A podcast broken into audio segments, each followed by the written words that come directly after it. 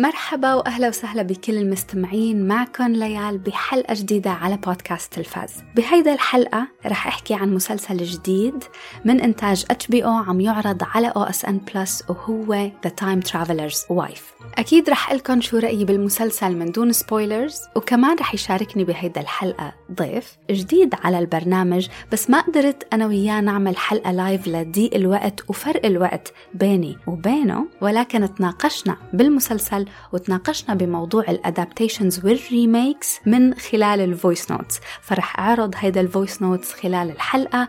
نحكي مع بعض أكثر بهيدا المواضيع. فيلا خلونا نبدأ الحلقة. أول شي قبل ما أبدأ بمسلسل The Time Traveler's Wife في شغلة على السريع هيك حابة أفتتح فيها هيدا الحلقة. هي شكر شكر كتير كبير لأنغامي. أنغامي هداك الأسبوع يوم الخميس استضافتني لأول مرة على اللايف راديو. آه، كانت ضيفة على الفقرة يلي بيقدمها نديم صفي الدين من برنامج Nad's Reviews. بصراحة I had so much fun بهيدا ال segment كانت لمدة ساعة. حكينا فيها عن مجموعة كبيرة من الأعمال الجديدة يلي عم نحضرها وكمان حكينا فيها عن أعمال قديمة. فأنا بدي أشكر أنغامي على موضوع ال live radio. ما كنت بعرف عنه من قبل آه وتعرفت عليه بهيدا الطريقة لأول مرة هداك الأسبوع. خاصية كتير حلوة. أول شي لأنه عطتنا فرصة أنه نحكي فيها عن المسلسلات والأفلام والأشياء يلي بنحبها وعنا شغف لإلها. بس كمان أهم من هاد عطتنا فرصة أنه نتفاعل مع المستمعين يلي شاركونا بآرائهم وتعليقاتهم على ال live radio فشكر كتير كبير كمان للمستمعين يلي كانوا معنا آه، بال live وشاركونا بال comments عن جد بشكركم كتير وإن شاء الله إن شاء الله بالمستقبل رح يكون في فقرات live أكتر هلأ خلاص صار فيني أبدأ بمسلسل The Time Traveler's Wife. Can I help you? Henry. Sorry, I, I don't know. Clare. So we've met then.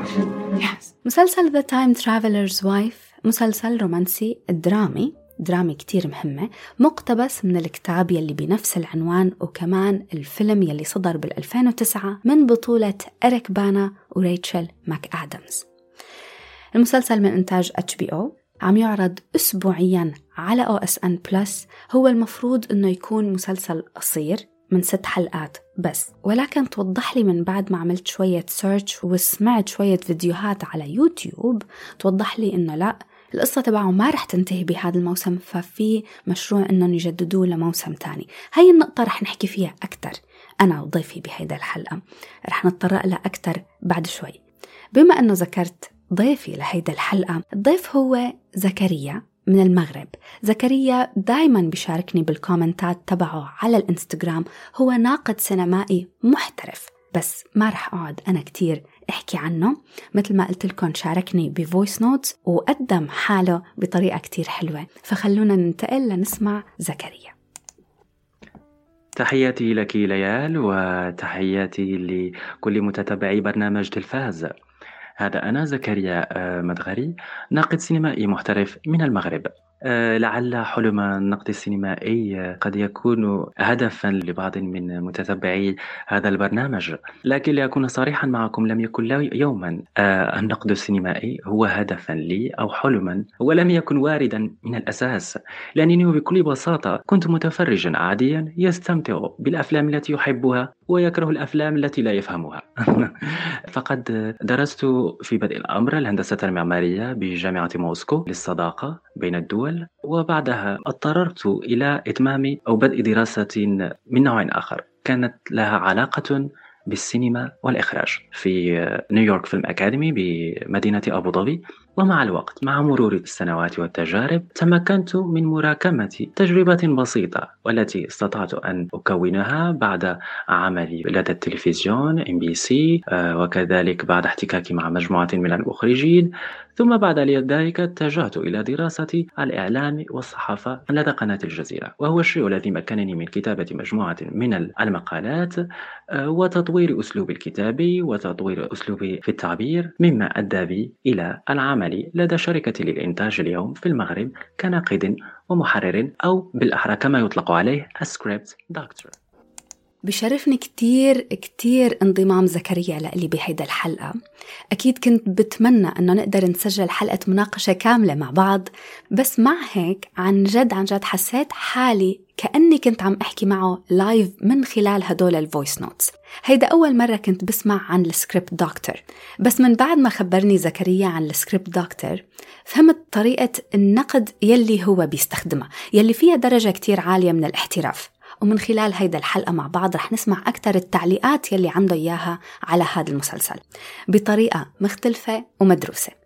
مسلسل The Time Traveler's Wife من بطولة الممثلة روز ليزلي يلي انعرفت بدور إيجريت من Game of Thrones وعلى الحقيقة هي مرته للممثل يلي قدم شخصية جون سنو هيدا الخبرية عرفتها من نديم لما كنا عم نسجل ال live على أنغامي. إلى جانبها بهذا المسلسل بيجي الممثل ثيو جيمس البطل من أفلام Divergent القصة هون بشكل عام بترافق هنري وكلير وال romance والعلاقة الصعبة يلي بيناتهم بسبب تنقل هنري المستمر عبر الزمن بطريقة هو ما بيقدر يتحكم فيها. يعني أبدا أبدا منا super powers على قد ما أنها هي خلل بتكوينه وخلل بحياته. المهم أهم شيء لازم تعرفوه بموضوع التنقل عبر الزمن هون يلي هو موضوع كتير أنا شخصيا بحبه وبحب لما يفوتوه بالمسلسلات. بس هون أهم شيء لازم تعرفوه إنه في كتير مشاهد لهنري من دون التياب. كتير. يعني تنبيه إنه بناسب المشاهدين فوق ال 18 لهلأ صار نازل من المسلسل حلقتين. فشو رأينا بهدول الحلقتين؟ Time travel. It's not a superpower. It's a disability. It's what's wrong with me. The Time Traveler's Wife بشكل عام بيعتمد على العنصر الرومانسي فمهم أكيد إنه الرومانس يكون من الأعمال يلي نحن مهتمين نحضرها ومهتمين إنه نشوفها ولكن مع هيك الرومانس بقصة The Time Traveler's Wife منا بسيطة ومنا سهلة يعني فيها كتير أحداث متشابكة فيها أحداث بتعرض الصعوبات والمشاكل وبتفوت جوات المشاعر. مخلوط بشكل كتير حلو مع الدراما المؤثرة وكمان مخلوط مع الإثارة والتشويق. فهذا الكومبو هيك كله على بعضه مميز ومخليني حابة كمل لحتى أشوف الحلقات يلي بعد. مع أنه كتير مهم أني لكم أنه أنا بعرف القصة الأساسية بعرف الرواية وكمان حاضرة الفيلم ومع هيك لسه عندي فضول كتير كبير لحتى أعرف شو رح يصير بالأحداث بالحلقات الجاية. وهذا الشيء نادرا نادرا إنه يصير لما أكون أنا خلص بالأساس بعرف كتير أشياء عن القصة وعن الأحداث. ولكن مع هيك هون لسه عم حس وعم أتشوق لحتى أشوف شو رح يصير بعدين. إذا كل ما يمكنني أن أقوله على هذا المسلسل هو أنه قد احترم العديد من من النقاط. آه، من بينها. الانتقال من المرحلة الأولى إلى المرحلة الثانية إلى المرحلة الثالثة أو أكت 1 أكت 2 أكت 3 خلال المسلسل. وهذه النقاط تتركز في في المراحل الآتية. النقطة الأولى أو الأكت 1 وهي المرحلة التي نتعرف فيها على الشخصيات. ومبتغى كل منها. act 2 آه ال back story وال act 3 اللقاء بين الشخصيات. آه هذه تركيبة يمكن أن يختلف ترتيبها. فمثلا في مجموعة من المسلسلات الأخرى يمكن أن نرى ال back story هي أول شيء. بعد ذلك التقاء بين الشخصيات. بعد ذلك نمر إلى آه حياتها آه الشخصية. كل في منزله أو كل في عمله. إذا هذا النظام يمكن أن نتلاعب بترتيبه. لكن الصعب في الأمر هو الانتقال من مرحلة إلى مرحلة من أكت 1 لأكت 2 إلى أكت 3 وهذا ما تم بنجاح آه، بكل تأكيد في الحلقة الأولى. ما يمكن الإشارة إليه كذلك؟ هو الطريقة التي قدمت بها الشخصيات. لم يكن هنالك زخم في الشخصيات المقدمة. هنالك اثنان تيو جيمس وروز ليزلي. للوهلة الأولى يعتقد المشاهد أنه سوف يشهد مسلسلا لربما كلاسيكيا رومانسيا لربما قد يلعب على وتر التلاعب بمشاعر المشاهد أو لربما قد يكون آه، مستهلكا إلى أبعد الحدود. لكن على ما يبدو رونق وقوة آه، قصة الفيلم الأصلية لا تزال حاضرة in this adaptation. هلا لحتى أكون صريحة معاكم بدي لكم إنه الحلقة الأولى ما كتير جذبتني كل هالقد. ما خلتني إنه ما بدي أحضره أكيد لا بس ما جذبتني. بس الحلقة الثانية الحلقة الثانية شو بدي لكم نستني كل شيء راح كل النقد يلي كان عندي إياه كل شيء كان عندي شكوك حوله اختفى. من بعد الحلقة الثانية يعني بكل سهولة بقدر أنصحكم وقلكم إنه احضروا هذا المسلسل. العمل جايب أفكار جديدة غير عن الفيلم موجودة بالكتاب بالرواية بس منا موجودة بالفيلم وعرضها بأسلوب رائع وفنان مليء بالمشاعر. الحلقة الثانية كانت مشبعة بالمشاعر وآخر عشر دقايق منها يعني بكتني. بس الحلو والمميز. مع كل هذا الحلو والمميز اللي قلته في شي كمان عن جد حلو مميز أكتر. من بعد ما تابعت هدول الحلقتين حسيت بشعور صار لي زمان مني حاسسته. هذا الرومانس بالتحديد. أعمال الرومانس مظلومة بهذا الوقت لأنه كتير صعب كتير صعب إنه نلاقي شيء يحكي معانا ويحكي مع الحب بهذا الوقت المعاصر يلي نحن عايشين فيه. حتى ممكن تشوفوا إنه ما في كتير مسلسلات وكتير أفلام بتقدر إنها تعرض الرومانس مثل ما كان يقدر ينعرض من قبل بالمسلسلات والأفلام القديمة. أما هون بهذا المسلسل لأنه مبني على قصة قديمة فعطاني شي كنت مفتقدته بهذا الوقت كتير. حبيتهم حبيت الممثلين كتير حبيت الكاريزما يلي بيناتهم حبيت حبهم وتأثرت بحزنهم مشاعر صار لي زمان ما حسيتها بعمل فيه حب ورومانس. بس كلمة رومانس هون رح تكون كتير قليلة لحتى توصف هذا المسلسل. دراما وحب وخوف من المستقبل ومن المجهول. ترقبنا لحتى نشوف شو رح يصير بعدين وكيف.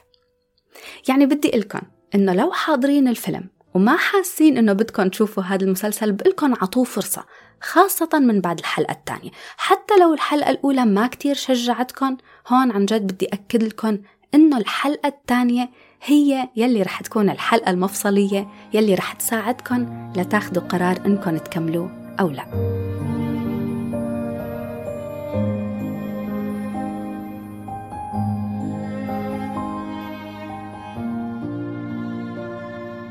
فكل متمنياتي بنجاح لهذا المسلسل لأنه فعلا أعادنا إلى ذكريات زمن مضى آه، زمن كانت فيها الرومانتيك كوميدي وأفلام الكوميدية كذلك أتحظى بشعبية كبيرة وكانت هي الأفلام التي يقصدها الصغير والكبير.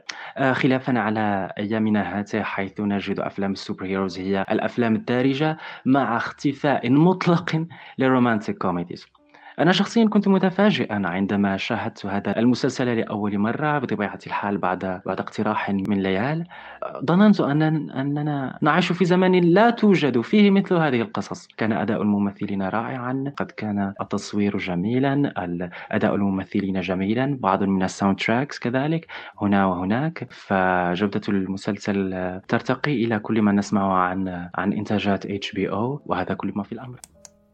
هلا كل هذا الحكي يلي حكيناه حلو ولذيذ ورايق بس وين المشكلة؟ يعني لازم يكون في مشكلة بهيدا الحالة المشكلة هون لسه ما صارت بس على وشك إنها رح تصير شو المشكلة يلي على وشك إنها رح تصير؟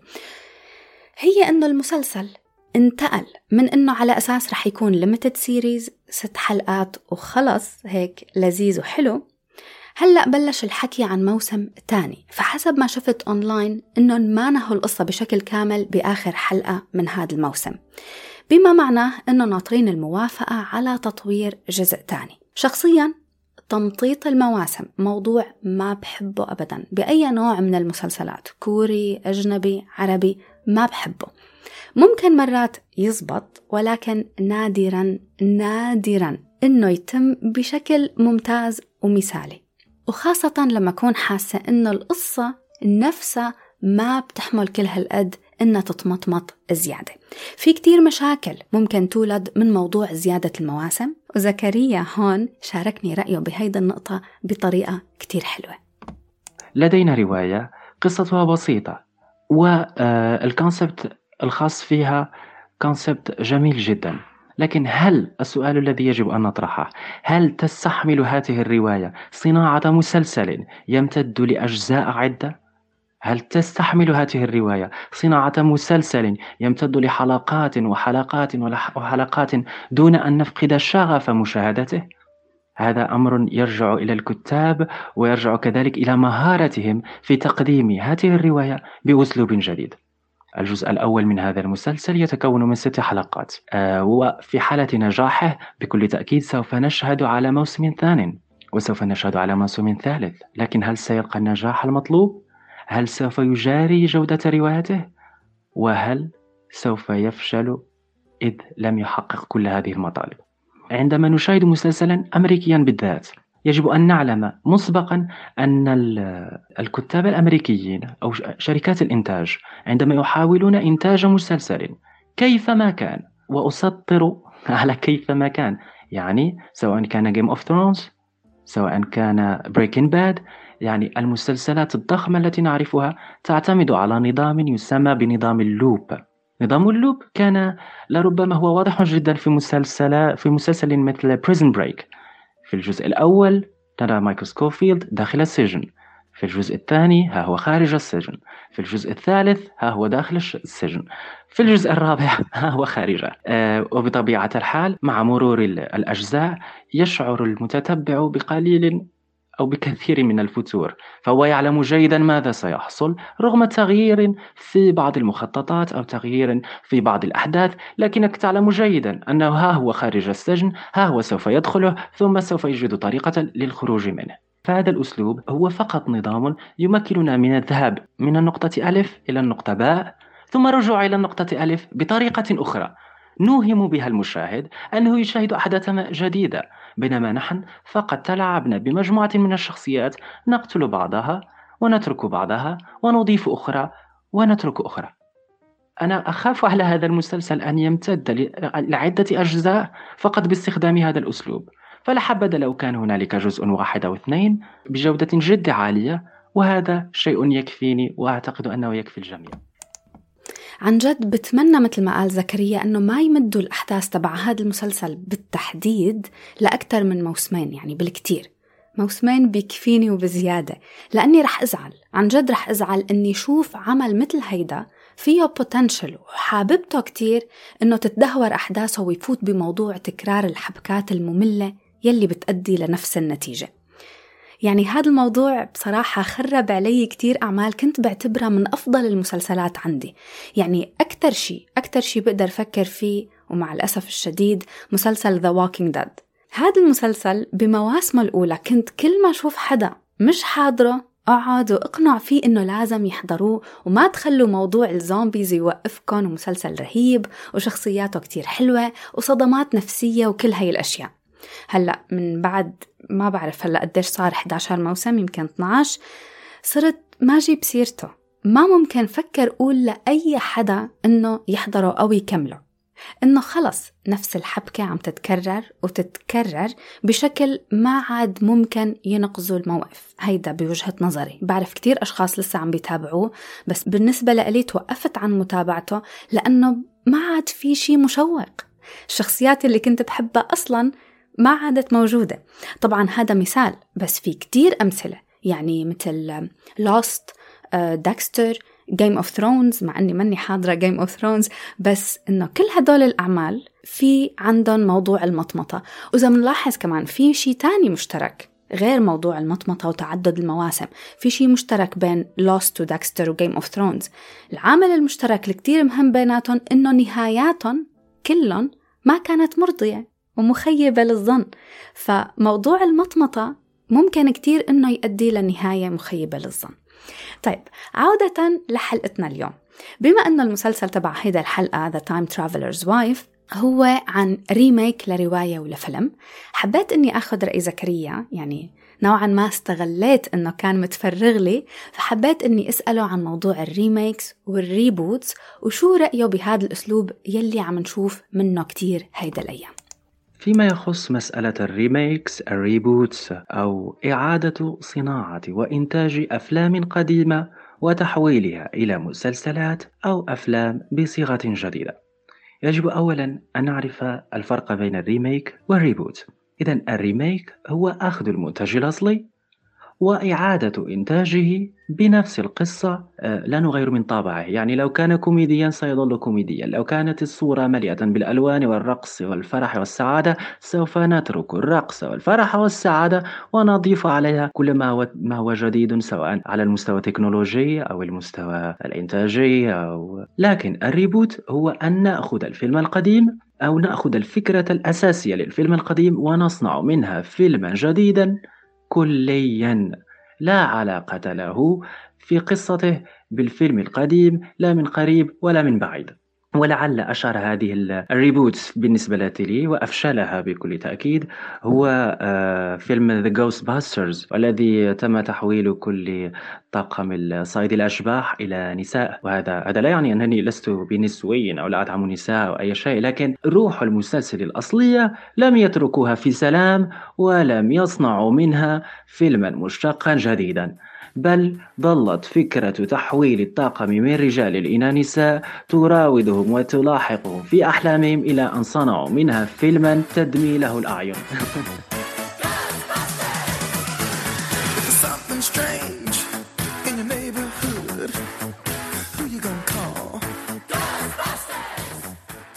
إذا فيما يخص أخذ الأفلام القديمة وصناعة أفلام جديدة منها سواء بطريقة ال reboot أو ال remake له مساوئه وله حسناته. فالحسنات بكل تأكيد سوف تظهر متجلية في الأفلام التي قد تكون أخذت من حقبة العشرينيات الثلاثينيات الأربعينيات الخمسينيات وصنعنا منها فيلما بالمستوى الإنتاجي الحديث. يعني أننا سوف نعتمد بكل بساطة على إخراج تقنيات إخراجية أجمل آه، أسلوب سردي أفضل لكن مع الأسف آه، كل محاولات ال remake وال reboot حاليا بشكل عام هي لا تلقى الاستحسان الجميع أو لا تلقى استحسان الأغلبية.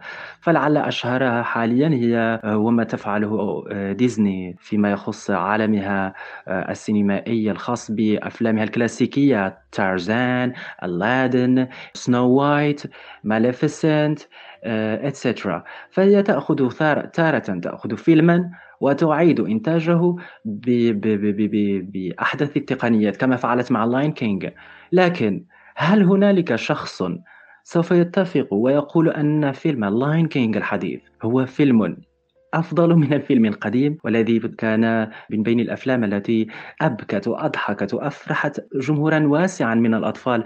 فبالتالي كان الإنتاج الجديد آه، صورة طبق الأصل عن الفيلم القديم لكن دون أي فائدة تذكر.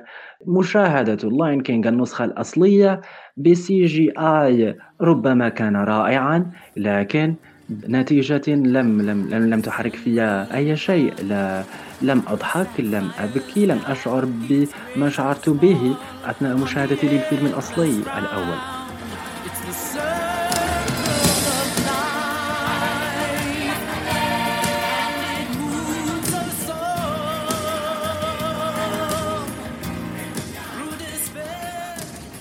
من جهة أخرى لدينا كذلك. الريبوت التي قامت بها ديزني كذلك. مثلا عندما أخذت آه، الشريرة في فيلم Sleeping آه، Beauty وصنعت منها بطلا لفيلم جديد والذي هو Maleficent كانت تجربة رائعة في الفيلم الأول لكن بالفيلم الثاني آه هنا اكتشفنا أن هنالك خللا ما. خللا إبداعيا خللا في كتابة السيناريو. هي العديد من المشاكل ولكن المحرك الوحيد والتبرير الوحيد بالنسبة لي لصناعة الفيلم الثاني كانت هي فقط استنزاف أموال العباد والبحث عن مزيد من من المداخيل بناء على نجاح الفيلم الأول.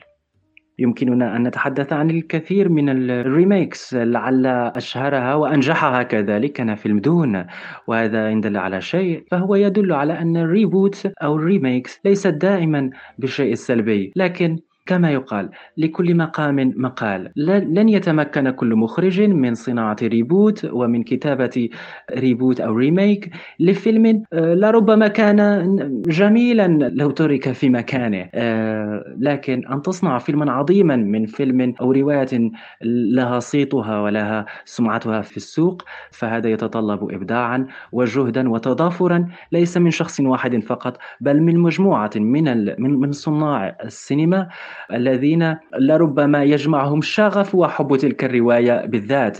ولهذا أعتقد أننا لا نشاهد دائما remakes و reboot ترضي الأغلبية لكنها لطالما كانت سببا في سخط مجموعة من من النقاد والمشاهدين على حد سواء. ولعل أسوأها كذلك كان remake لفيلم سايكو فما من لم يشاهد فيلم سايكو لألفريد هيتشكوك هو اليوم movie movie reference في أغلب مدارس السينما. فأنت تأتي لكي تصنع لي remake لفيلم هو في الأصل لا يحتاج لا ل remake ولا ل reboot ولا أي شيء هو واحد من الدروس السينمائية التي يجب عليك أن تشاهدها وتحللها لتتعلم منها وتصنع أنت كذلك بدورك فيلما رائعا. أه وهذا كل ما في الأمر. هيدا الأعمال عن جد ال remakes وال reboots وال adaptations هدول صعبين. صعبين يتقيموا صعبين ينحبوا وكتير سهل إنهم ينتقدوا.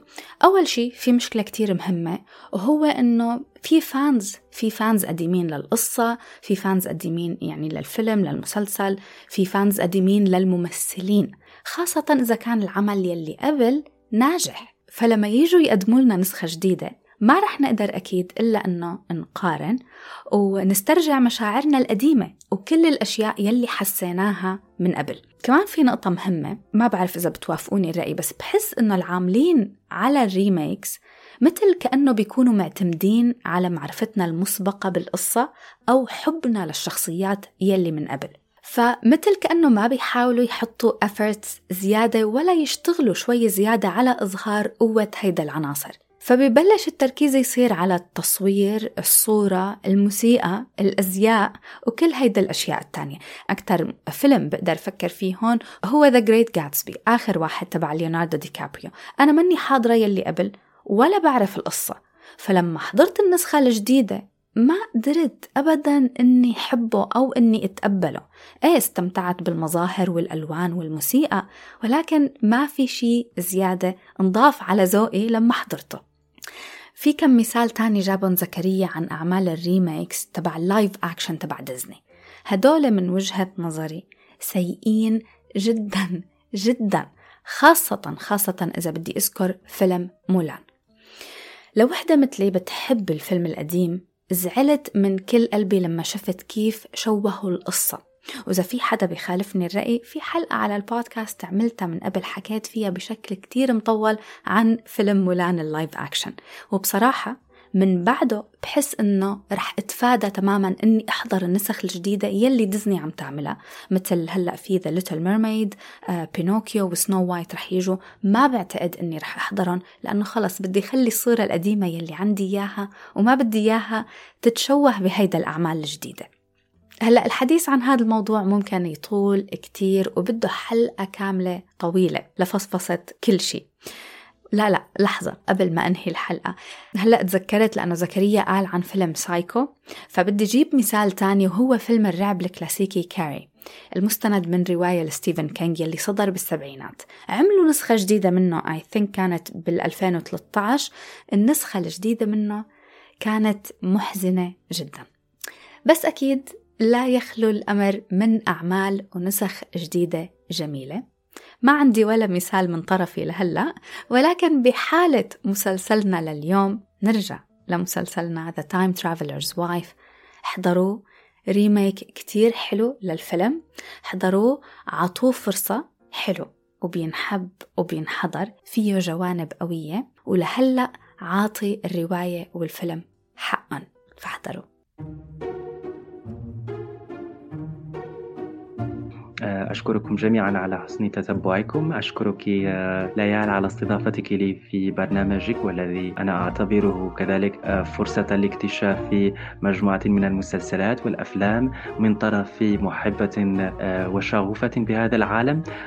والذي أعتبر نفسي أنا كذلك واحدا من محبيه من أوائل متتبعيه بالأحرى. تابعوا مشاهدة برنامج تلفاز من تقديم ليال. شكرا لكم وإلى اللقاء. شكرا زكريا وشكرا لكل المستمعين يلي رافقونا بهيدا الحلقة. بتمنى أنه الحلقة تكون عجبتكم وبتمنى أنه نكون شجعناكم إنكم تحضروا The Time Traveler's Wife عم يعرض على OSN إذا في عندكم أي استفسار وحابين تتواصلوا معي مثل العادة please راسلوني على الإنستغرام بودكاست underscore تلفاز. بشوفكم بحلقة جديدة مسلسل جديد وفيلم جديد وضيف جديد. باي باي